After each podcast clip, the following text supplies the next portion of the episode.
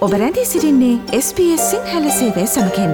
වැඩිතුර තොරතුර දැනැනීමට පිවිසන්න ps.com.ta/ Sinhala වෙපඩවයට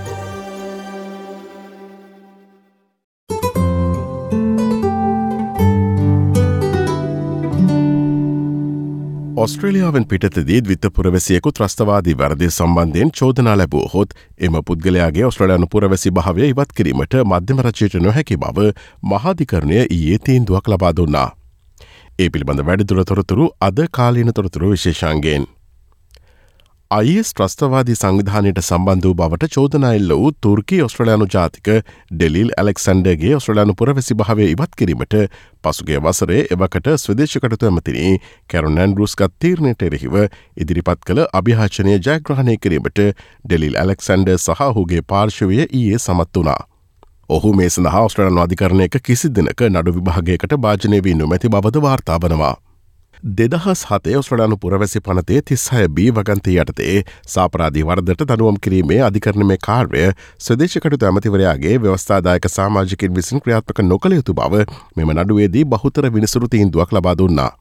ඒ අනුව ඩෙලි ලෙක්සන්ඩගේ වත් කරනු ලැබෝ ශ්‍රඩනු පුරවැසි භාවය යලිස්ථාපිත කරනවා. මෙම නඩුවේ ප්‍රතිඵලය පිළිබඳ තමා සතුටුවන බව ඇලෙක්සන්ඩගේ නීතිඥ ඔස්මාන් සමීන් පැවසවා.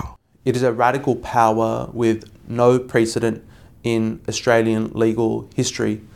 It essentially allowed the minister to set up their own parallel uh, system of criminal justice and punishment um, in which they could impose um, the most severe punishment, and that is banishment.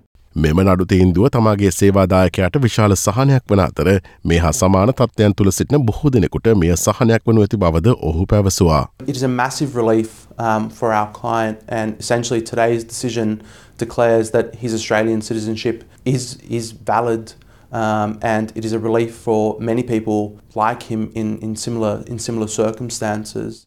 නිවසෞත්වස් විශ්වවිද්‍යාලය ආචාරවරයක් සහ ව්‍යවස්ථාපිත නීතිඥවරයක් වන සංගීතා පිල්ලේ පවසන්නේ මෙම තීරණය දුරදිගයන ඇඟවුම් ඇති තීරණයක් බවයි. තිස්සය බී වගන්තය මගින් බලපෑමට ලක්කෝ ස්ට්‍රලන්වන්ගේ මේ හා සමාන සිද්ධීන් ගණනාවක් මෙහේතුවෙන් ඉදිරියේදී යළි සලකා බලනු ඇතැයි තමන් විශ්වාස කරන බව ඇය පැවසවා. එනිසා තිස්සයි බී වගන්තය යටතේ යමකගේ ස්්‍රලන් පුරවැසි භාවය අවලංගු කර ඇති ඕනෑම අවස්ථාවක එම ප්‍රතිපාදනය දැන් ඉවත් වී ඇති නිසා අදාළ තීරණය වලංගු නොවන බව මෙයින් පෙනියන බව ඇය ප්‍රකාශ කලා. So what that means is that any time someone's had their citizenship cancelled under Section 36B because that provision is gone now. It's invalid. It's like it was never allowed to be made, so we assume that it was never made. So anyone that's lost their citizenship under this provision gets it back. Not just Mr. Alexander, anybody. පුරවැසි භාවය අහිමි වූ නමුත් මෙම නීති වෙනස් කිරීම ගැන නොදන්නා පිරිසක් සිටිය හැකි බව ආචාර සංගීතා පිල්ලේ පැවසවා. ඔවුන්ට නැවත ඔස්ට්‍රලාවට පැමිණීමට අවශ්‍ය නොවනු ඇති. වෙනත් නීති මත තවමත් ඇතැම් පුද්ගලයන් වෙනත් හේතු මත අපස පැමිණීම වලක්වාගත හැකි බවද ආචාර පිල්ලේ ප්‍රකාශ කලා. දැන් ඔස්ට්‍රලයාාවේ නීති පොත්වල ත්‍රස්ත විරෝධී නීති අනුවකට වැඩි ප්‍රමාණයක් ලැබී ඇති අතර විදේශ ගමන් බලපත් අවලංගු කිරීම සහ අත්තිටුවීම සහ බැහැර කිරීමේ නියෝග වැනි පුරවැසි භාවය ඉවත් කිරීමේ නීතිවලට සමානාර මුණු පලදායි ලෙස සාක්ෂාත් කර ගැනීම වැනි වෙනත් නීතිද තිබෙන බව ඇය ප්‍රකාශ කලා. Many, I think it's over 90 anti terror laws on the books um, in Australia now. And there are other laws such as um, passport cancellation and suspension and exclusion orders that effectively achieve like similar purposes to citizenship stripping legislation. මෙම තීන්දුව දෙදහස් පහළවේදී liberal සඳහන යටතේ ප්‍රථමවට ගෙන ඔස්ට්‍රලයාාවේ දරුණු ත්‍රස්ත විරෝධී නීතිවලට විශාල පහරක් බව ඩෙලි ලෙක්සන්ඩ වෙනුවෙන් ක්‍රියා කරන නීතියකින් පවසනවා. මෙම තීන්දුවට ප්‍රතිචාර දක්වමින් හිටපු සදේශකටතු ඇමතිනේ කැරන්නන් රුස් SBS ප්‍රෝතිසේවයට මෙසේ පවසා තිබෙනවා. ත්‍රස්තවාදී තර්ජනය නොස්්‍රලයන්වන් ආරක්ෂා කිරීමට අවශ්‍ය දේකිරීමෙන් ලිබරල් සඳහනය කිසි විටක පසු බැස නැහැ. කම්කරු පක්ෂය මේට ප්‍රතිචාර දක්වන ආකාරය ඔවුන්ට නියම මාර්ගයා හැකිද නැතහොත් ජාතික ආරක්ෂාව ගැන කතා කරන්නේ දෙයන්න පෙන්වනු ඇති. යනුවෙන් හිටපු සදේශකටතු ඇමතිනී කැරන ඇන්රුස් SBS ප්‍රෘති සේවයට පවසා සිටියා. අදගත් තීරණය හේතුවෙන් ඔස්්‍රලයාාවට කිසිදු තර්ජනයක් නැති බවත් ඔස්්‍රඩනු රජයට ඔස්්‍රඩන්ුවන්ට මුහදෙන් එපිට සිටින පුද්ගලන්ගින් එල්ලවෙන අවධානම කළමනා කරණය කිරීම සඳහා ක්‍රියාමාර්ග රැසක් තිබෙන බවත් නවනීතිපති මාක් ඩ්‍රේෆුස් පැවසවා. මෙහි වග උත්තරකරුවන ඇලෙක්සන්ඩ සිරියානු බන්ධනාගාරයක සිටින බවට විශ්වාස කරන අතර ඔහු වෙනුවෙන් නඩුවගෙන ඔහුගේ පවුලයායට වසරකට වැඩිකාලයක් ඔහුව සම්බන්ධ කර ගැනීමට නොහැකිවී තිබෙනවා.